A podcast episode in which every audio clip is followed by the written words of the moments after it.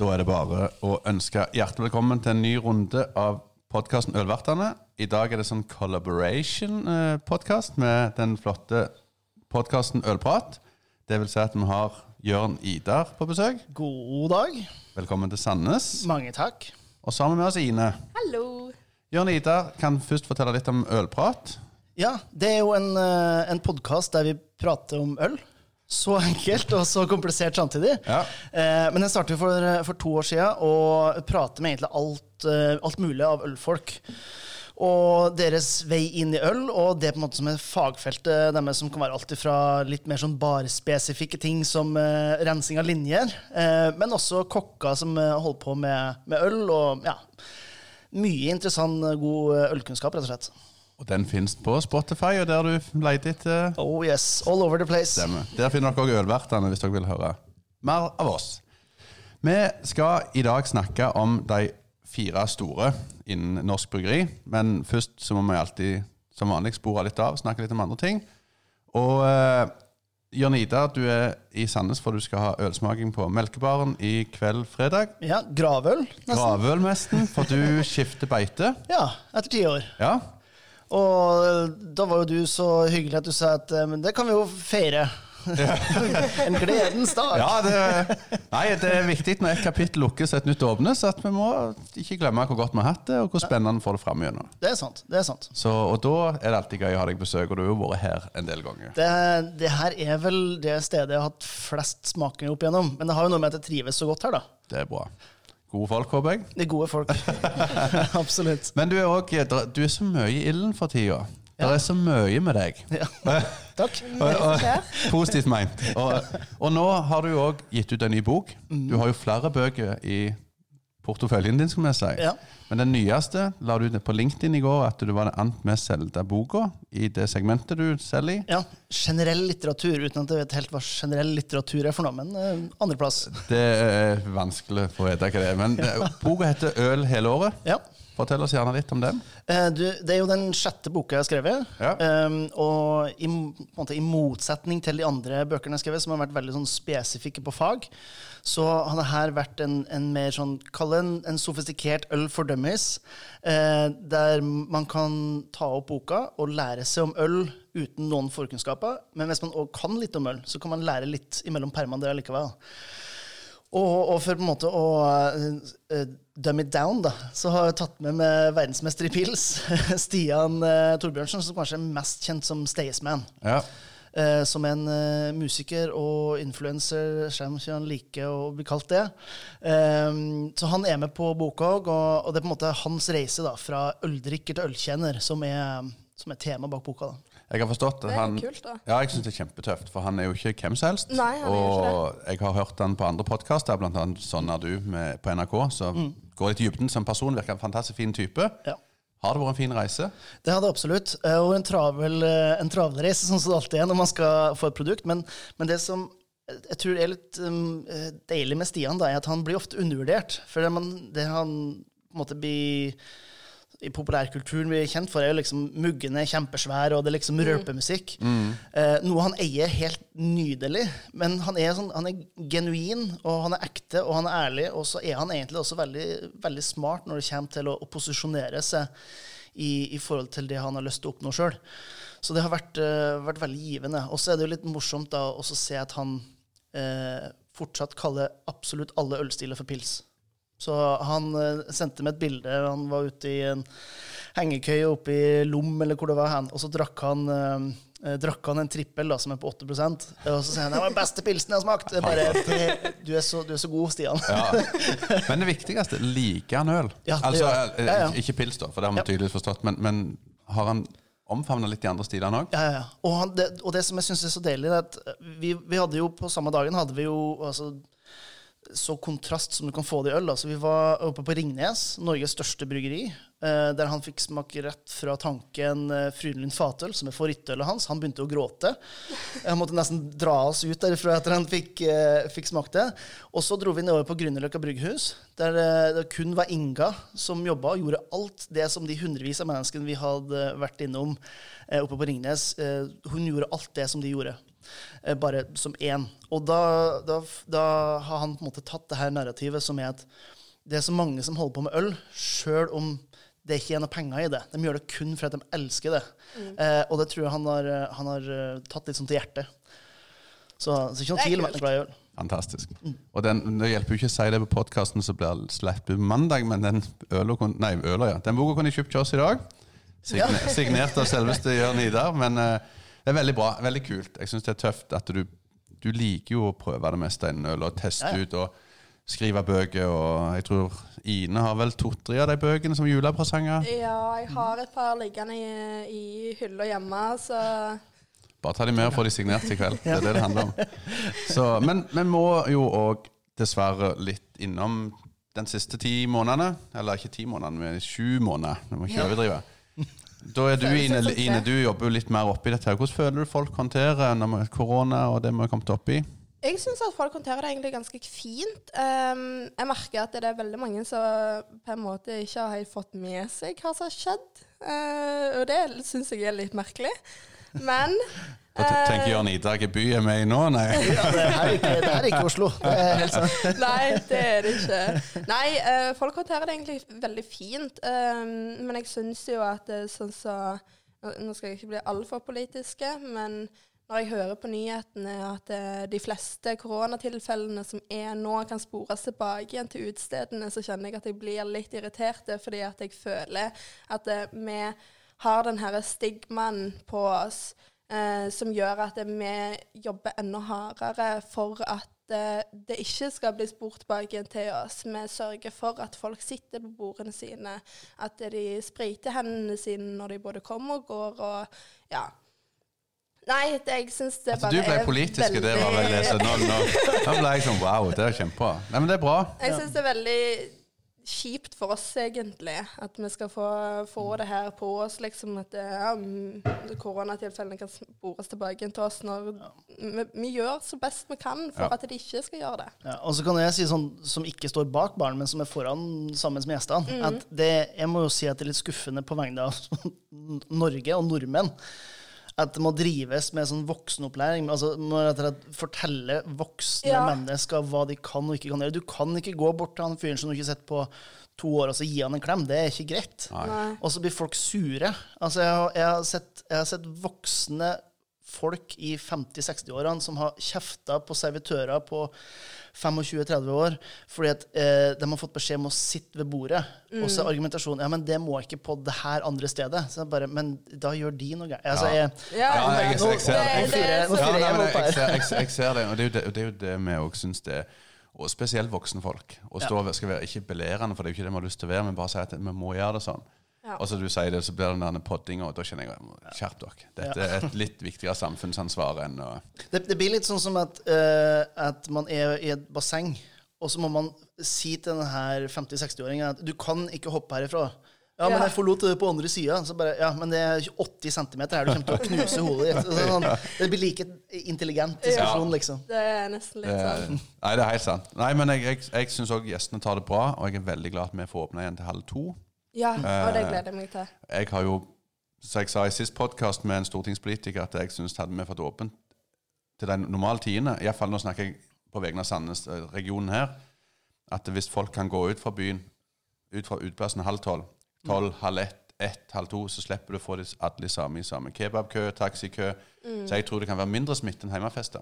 Ja. Men uh, Det tror jeg òg. jeg får gjenta igjen, jeg vil ikke så til Oslo og, og tok disse avgjørelsene. Så vi får bare håpe at folk kommer ut. Vi får bare folk bruker byen, og bruker og kjøper kvalitetsøl. Det er vel det viktigste. Så, men vi nå sporer jeg litt tilbake til han eh, Stian, eh, din medforfatter igjen. Ja. Husker dere den første ølopplevelsen deres? Sånn wow, den, det husker jeg, eller er det for lenge siden? Jeg husker det. Ja. Eh, nå, nå er det jo en god del år siden, da. Jeg har jo vært her i seks år, så Ja. Men uh, første sånn wow-opplevelsen jeg hadde med øl, det var med La Trappe. Uh, og jeg mener det er trippelen deres, jeg er litt usikker, eller så er det Vitten. Uh, men jeg husker bare jeg fikk den der Å, Å, herregud, kan øl smake sånn som dette her? Og det åpna vel øynene mine først, og så hadde jeg en wow-opplevelse igjen med stout. Og det nevnte jeg jo til deg her om dagen. Um, at uh, det var en stout fra jeg tror det er Rio, uh, som heter Itaka. Og at uh, det var den første wow-opplevelsen jeg hadde med stout. da. Og den første stouten som jeg faktisk likte. Og Grunnen til det var fordi at de brukte et spesielt brunt sukker i denne øla, som er spesielt for den regionen. Um, og det endra bare hele øla, syns jeg. Absolutt. Fikk du noen sånne assosiasjoner på noe som du liker veldig veldig godt? da? Var det derfor et uh, match, eller var det bare at det var deilig? Jeg husker ikke. Det, akkurat det er så lenge siden at akkurat den husker jeg ikke. Men jeg bare husker at det, det var en helt fantastisk opplevelse, egentlig. Mm. Det, ja. Jeg husker jeg var på tur med et, eh, en importør i Norge, mm. eh, nede i eh, Brygge. Mm. Og var vel Gjøran som jobber på naboen i Trondheim. Eh, og så sa han det at så var vi nede i en kjeller, og der hadde de festfleteren. 12. Og da hadde jeg sett etter den, og der fant jeg den. Og så sa han ta vare på korken. Så jeg drit i det. Så alle kommer til å huske den første festfleter 12-opplevelsen. Dette er mange år siden.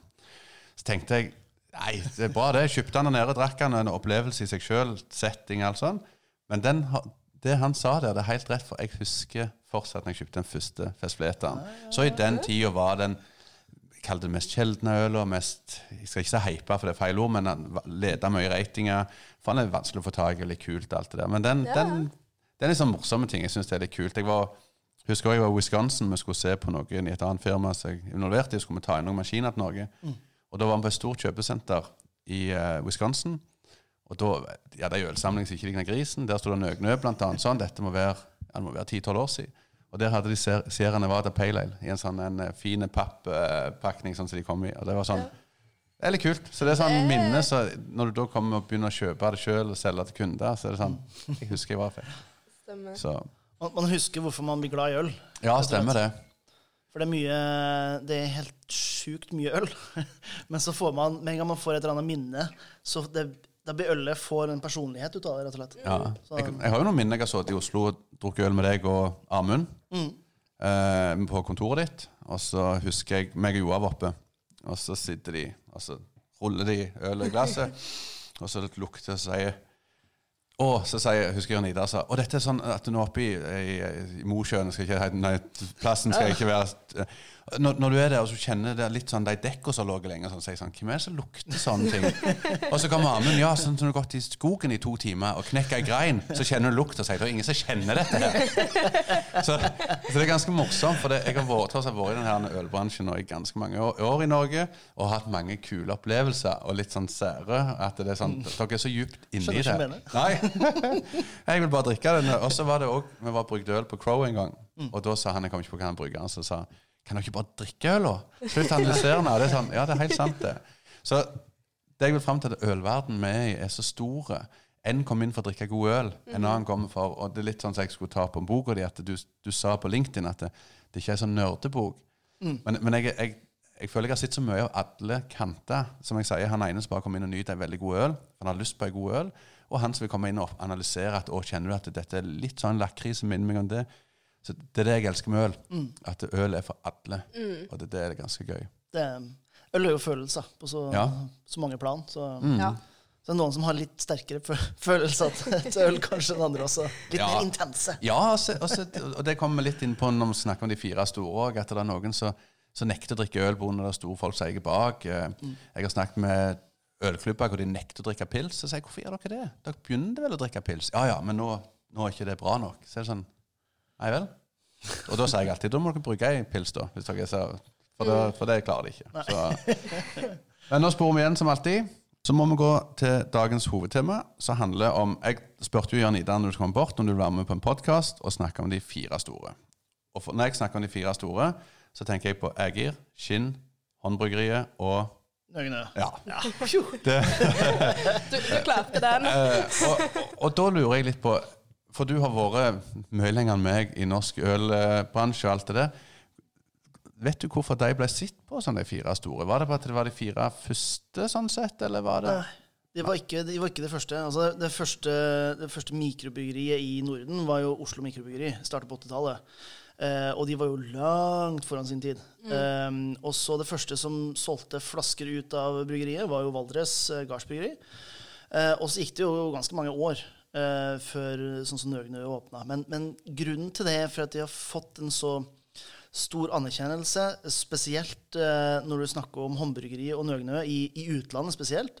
Eh, jeg husker jo sjøl når jeg var oppe bak bryggeriene til, til Ås, i det gamle håndbryggerilokalene, og, han- og, og, og snakka med, med Rune, som, som snakker om at 70% av ølen som vi produserer, den eksporterer vi. 30% til Norge. Eh, og sånn var det jo for både Nøgnø og for, eh, for håndbryggeriet veldig lenge. Som gjorde at de fikk en internasjonal stjerne, og så begynte det å få litt etterspørsel i eh, Norge. Eh, og jeg vil egentlig si altså av, Hvis du skal se på den største av de fire store eh, i alle måter, så må den i mine øyne være Nøgnø. Fordi at de, de var rett og slett en, eh, nesten som en sånn bryggeriskole eh, for ekstremt mange av bryggerne som, eh, som kom opp i den tida. De hadde rett og slett en, en open door policy, så du kunne komme inn der og så hospitere en uke eller to eller tre uten å betale noen ting. Veldig åpne og ærlige, og, og lærte bort ekstremt mye og hatt enormt mye å si for utviklinga i, i Norge. Um, også håndbryggeriet, selvfølgelig, som var den litt, litt sånn rare I utgangspunktet skulle bare lage britiske ølstiler, og så havna de kanskje litt tilfeldig ute på noe surøl, og så bare ja, ble det det det ble. Ja. Um, som gjorde at de også fikk en, en plass oppe der blant Nøgnø. Og så hadde jo kommet to til der bort på, her, her bort på vestsida, som har fått litt uh, anseelse etter hvert også. ja. Så, så det som gjør at de er store for min del, er rett og slett hvor stor eh, impact de har hatt på, på Øl-Norge eh, gjennom de siste ti pluss årene. Ja, for det er vel det jeg òg føler litt. At mye av disse bryggeriene At du hadde Nøgnø med Kjetil, du hadde Kinn med Espen, du hadde Ægir med Even, og du hadde Jens i håndbryggeriet. Det, var- det var mye personer du plasserte på bryggeriene. Jeg føler i dag, så får, Hvis jeg hører navnet på et bryggeri, så er det ikke så mange personer jeg får opp. Med, med tanke på meg en gang at det var, det var mer Men det var med mindre verden Ja, i, i den tida. Nå er det vel 200 bryggeri hvis det ikke er og Ja. bryggeripuber gudene vekk det ikke er for noe. Men for, i min verden så var det jo litt at den IPA-en til Nøgnø var den som Jeg følte jo at folk fikk opp øynene for norsk mikrobryggeri. Er du enig i den, eller? Ja, det, det Ja. vil være Når jeg føler når jeg snakker med folk, så er det ofte IPA-en til Nøgnø som de fleste går tilbake igjen til. Uh, og det er som regel den folk henter assiasjonen assosiasjonene sine fra, Ja. føler jeg da. For det, den jeg sliter med å ta av med menyen her. For med det ser vi jo Jeg hadde en samtale med Stefan i Håndbryggeriet angående da Folk kjøper mindre humleøl på flaske. De kjøper helst det på tapp. Men jeg kjenner at uh, sånn type Fyr og flamme til Håndbryggeri og Nøgne IPA klarer ikke helt ta det, er det, der- for det, det sitter så langt inni at det er ting vi alltid har hatt, så jeg syns det er så veldig bra produkt. Det er så- Ja. Nå er det jo gammelmannssipa som heter på tøft. Jo, jo. Men, men, men det er liksom det er en del av historikken, og Skinn vestkyst har vi ennå. Så, så det er liksom Det er en del av historikken. Vestkysten er en så bra øl, det òg. Det Altså, er jo flasker fantastiske. Det er jo, og, Ja, og ja. jeg likte jo den Espen sin filosofi på at det skal være 0,75 for det skal stå på matbordet, akkurat vinflaske. Mm. Så, så det, det er noe med den der Men det er jo egentlig, hvis man tenker på det, de fire store har jo også fire av sine signaturøl er jo IPA. Altså, du, Ja. du kan ikke snakke om eier og ikke nevne om den IPA-en som Even da har brukt eh, 17 000 år på å utvikle, ikke sant? Det stemmer, det. Så, um, så det kan jo være det at de har vært med å definere sjanger også, som gjør at det har blitt eh, på en måte av de fire store. Men det føler jeg òg, Ja. egentlig. Det, for det er alltid hvis, hvis du skal snakke om de, de fire bryggeriene, så er det som regel IPA-en som er flaggskipet deres. Eh, og det merker jeg jo på mange andre som kommer innom på baren og sånt òg, at det er liksom Ja, jeg, vil- jeg vil ha en av deres IPA, for jeg syns den er så bra, liksom. Så det er sånn, ja, det er helt supert øl. Ja. Det, ja, nei. Men, er, men, er de, men grunnen til de Skal ikke si at de er de fire at de, ikke, at de ikke er de fire store nå, men er det pga. at det har kommet så vanvittig mye nye bryggeri at vi hører ikke like mye tydelig ifra de? Eh, Nøgne ble jo oppkjøpt av, av Hansa, f.eks., Mm. og da følte vel mange at de gikk litt vekk fra den håndverksbryggeri for, ma- for mange. Eh, Jeg syns ikke det. Nei? For jeg syns fortsatt at de lager helt fantastisk øl. Så jeg syns ikke at de har mista ja, mista det de hadde før, egentlig. Litt, men det føler jeg alle gjør. Men Føler du at de har mista standing hos gjester når gjestene kommer inn? Eller Nei. føler Nei? Det det syns jeg litt? ikke. Eh, det syns jeg er litt eh, rart, sånn hvis du skal ta f.eks. Ryger. Eh, at Ryger mista jo mye av at det var eid av Rema 1000 og ja. Men jeg føler ikke at Nøgne Ø egentlig mista så veldig mye av det, selv om at de ble kjøpt opp på Hansa. Nei, men det er bra. Det, for det er jo, vi oppfatter det forskjellig. Eh, og det ser vi jo, nå er jo Ryga veldig lokalt her vi er ifra. Så har han veldig god standing, men det er pga. at det er vanvittig flotte folk som er. Eh, nå har, kjenner du til bryggeren, du òg, Jørn Idar, og Ja. det, han er veldig givende. Det ikke en sånn Godt over gjennomsnitt uh, hyggelig type. Ja, og nå skal jeg ikke være stygg, men det er ikke bare sånn industribrygging. Det er Nei. liksom mer hjertet de brygger med, og sånne ting. Og, og, det, og det er jo en av de tingene Jeg, jeg syns det diskuteres altfor lite om akkurat denne typen ting. For jeg syns ikke det er ublitt positivt at Hansa eier Nøgnø. Men det har ingenting med ølen å gjøre. Det har mer på, på hvordan forretning gjøres når man er en industriell aktør. For at eh, jeg tør å vedde store penger, og jeg har ikke så mye, da, så forbi det har, jeg. på at Vi det, en ikke, tier på bordet med at det ikke er en kjeft som hadde kjent forskjell på en Nøgne IPA før Hansa og etter IPA. Nei, etter, etter eh, Hansa. Nei. Så det, det oppkjøp er liksom ikke Det er ikke der, der det går på, synes jeg. Og så til, til å svare på det du, du begynte å spørre meg om det, om det er en bra ting at det kommer så mange nye, eh, og man ikke hører så mye til de, av de store gamle gutta, eh, så er det både ja og nei. Eh, jeg syns det er bra at det kommer et mangfold. Og jeg syns det er dårlig at de store ikke greier å posisjonere seg sånn at de små kan lære av kanskje spesielt kvalitet. For nå snakker vi jo om fire bestselgende IPA-er her, som er i veldig høy klasse, som er kanskje 5% av alle IPA-ene som produseres i Norge, og 95% av dem er ikke spesielt gode. Tør jeg å påstå. Ja, ja, det lages veldig mye dårlig øl. Er det jeg sier vel fram? Ja, jeg, jeg, Eller middelmådig. Ja, dårlig, det, det, for jeg, jeg liker jo aldri å trø på folk, så jeg liker å si at gjennomsnittsøl. Men ja, jeg er enig i det finnes mye mindre god kvalitet, og det er alltid kjedelig å ha på besøk et bryggeri som mener de har verdens beste øl, så har de ikke det. Men Mm. jeg prøver bare å si det er gjennomsnittsøl for ikke å være feil. Men tror du de fire store, vi bruker det navnet bare for å gjøre det enkelt, tror du de er like åpne til å, sånn som vi snakket om de hospiterte bryggere før i tida, tror de hadde vært like åpne for å gjort sånne ting i dag? Eller er verden forandra seg på de 10-12 åra? Ja, Det er ikke noen tvil om markedet endrer seg veldig mye. Um, men jeg, jeg, velger tro, jeg velger å tro på det som han Sam Caleone fra Dogfish Head sa, at uh, håndverksøl er liksom 99% asshole free.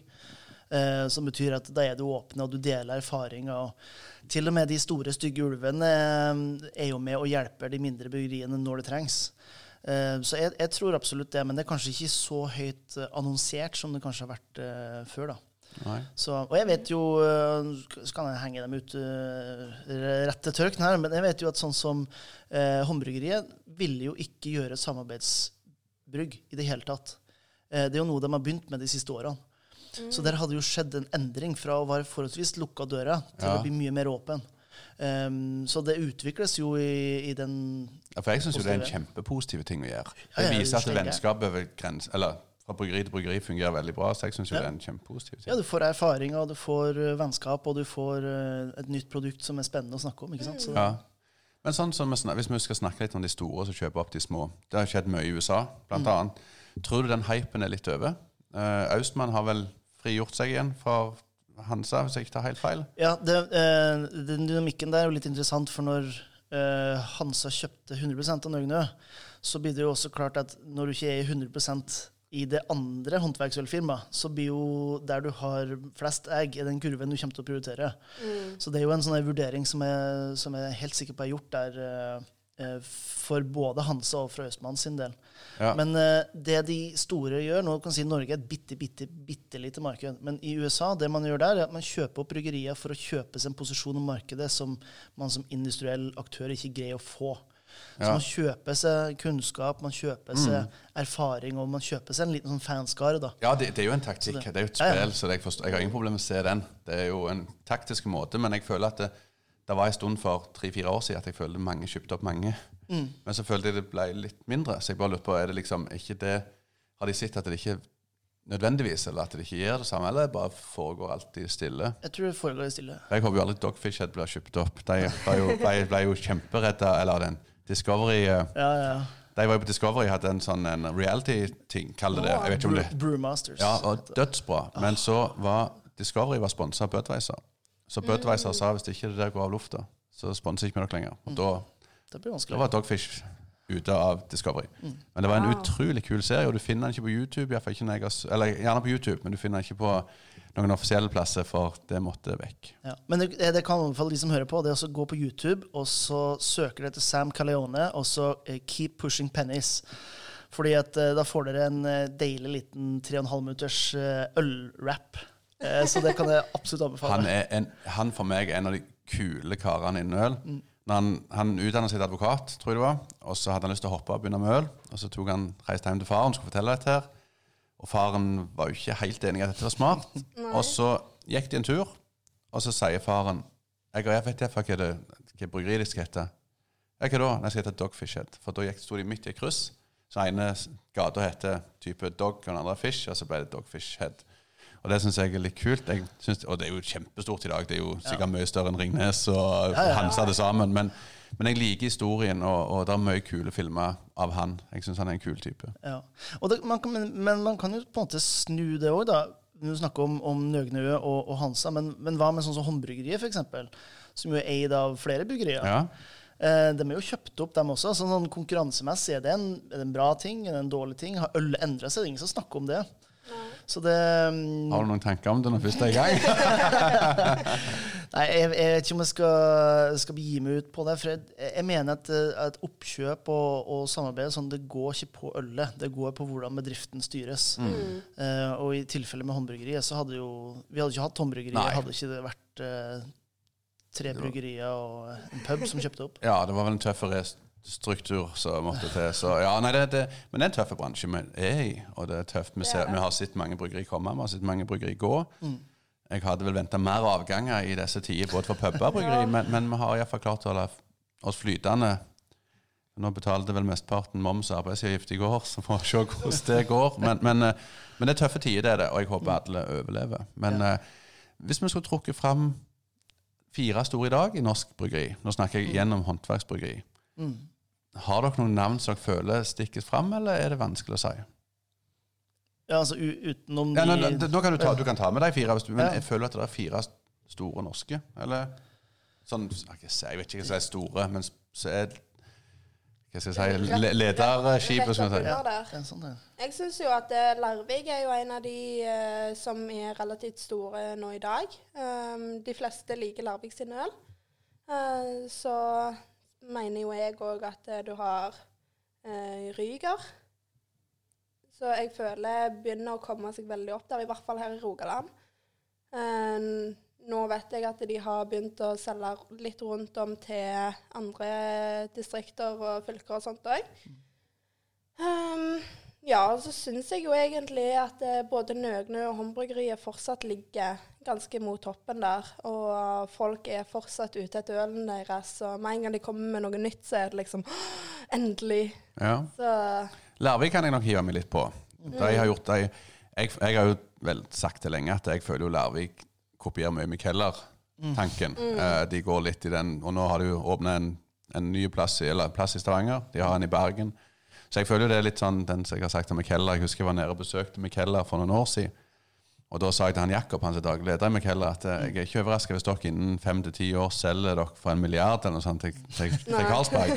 Og da sa han jo bare så det, det skal ikke se vekk fra det. Nei, nei. Så, og det handler jo om penger, til syvende og sist.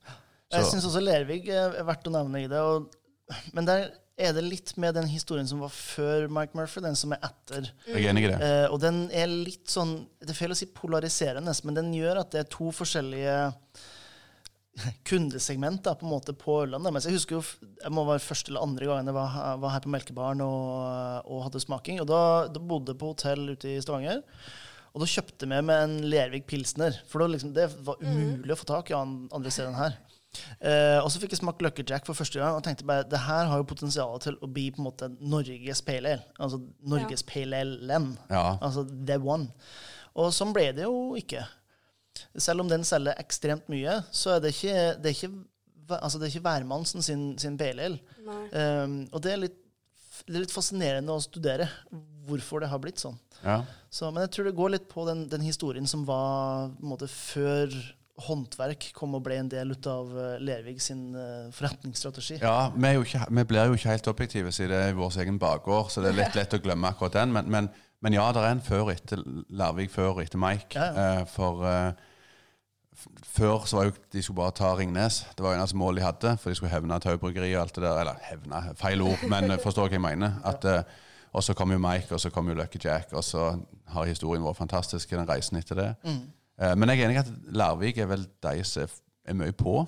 De, de er veldig på både markedsføring og alt sånne ting. Eh, Så har jo jeg hjertet i mange av disse bryggeriene, så jeg klarer nok aldri helt være objektiv. Men jeg, jeg liker jo mye tanken til håndbryggeriet, så jeg syns alltid har vel gått litt imot eh, De har gått mye imot den, eh, den logiske produktkatalogen. Er det, er det en måte å si det på?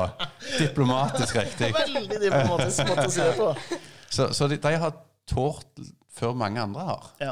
Eh, Du hadde jo ikke, altså det, På det tidspunktet de lager eh, håndbak og håndbikk og det her første surølen altså Det er jo eh, så langt bak mål eh, som det går an å komme hvis man skal tenke forretningsmessig. Og så Ja. lage surøl. Altså et, et uttrykk som er 100% assosiert med negativt i den norske befolkning. Og så Ja. tenker man at det kan man lage ved Så det um, kan jo være faktisk der at noe inspirasjon kom fra Shelton Brothers i USA, som importøren deres der, som kanskje var pusha lite grann. Kanskje. jeg føler de importerer det meste til USA når det gjelder øl rundt forbi. Ja, det tror jeg, tror jeg helt rett. Så Nei, men, men, men hvor er er- Tror du det er noen som stikker hodet fram mer enn andre de neste fem til ti år? Og tror du det er noen ledestjerner? Det er, det er litt vanskelig å, å, å si. Um, du kan si de Du har jo de fire store som vi snakker om nå. De kommer fortsatt til å være der oppe, og Lervig er en, en del ut av det. Uh, det blir uh, spennende å se hva Austmann greier å gjøre nå som Kjelsberg er inne på, uh, på eiersiden. Og jeg vet at de, de er, har fått inn noen særs bra folk inn i styret også der. Og de har jo på en måte vært vant til å gjøre tingene litt stort, da.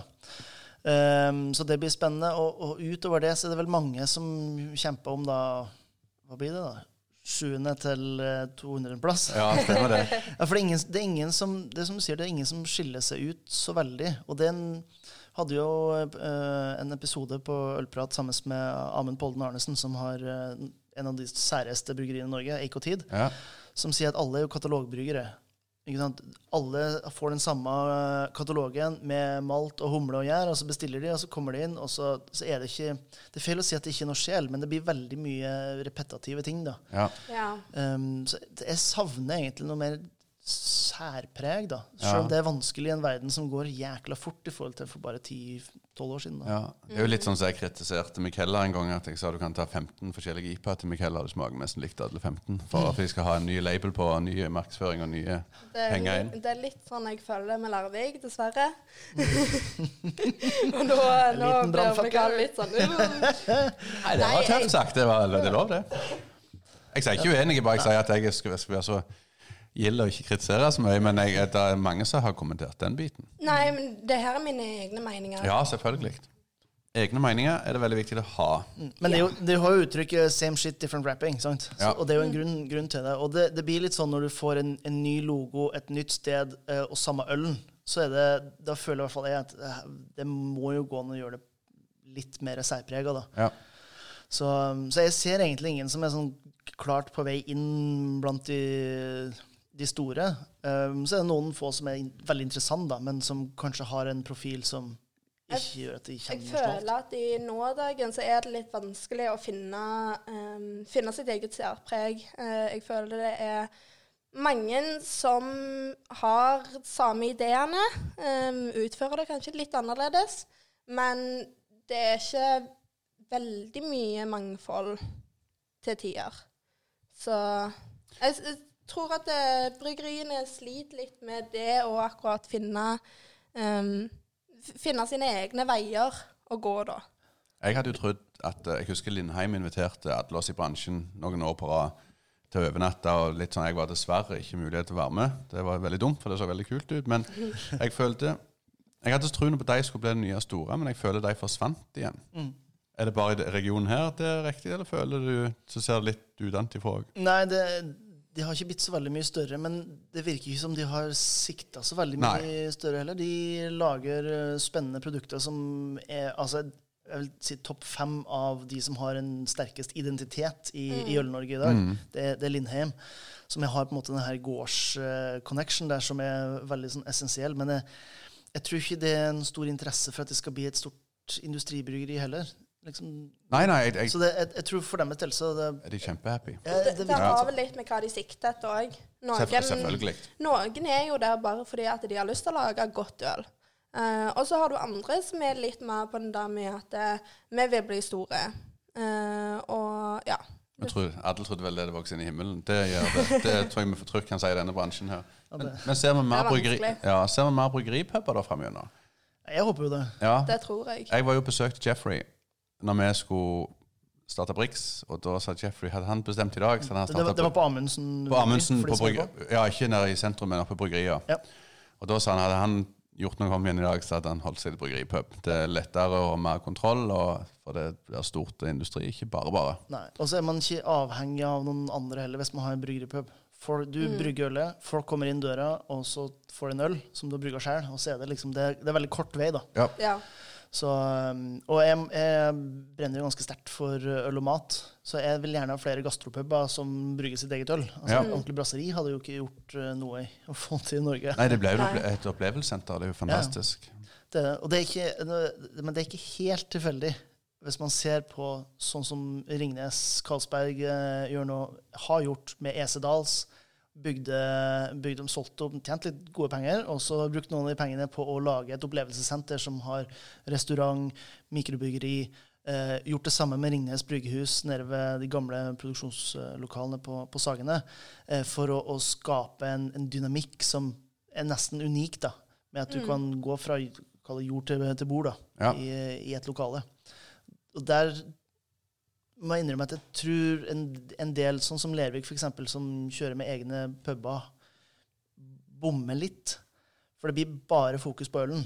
Og det, øl er godt, men du kan ha, det er veldig mange gode ølsteder rundt om i Norge.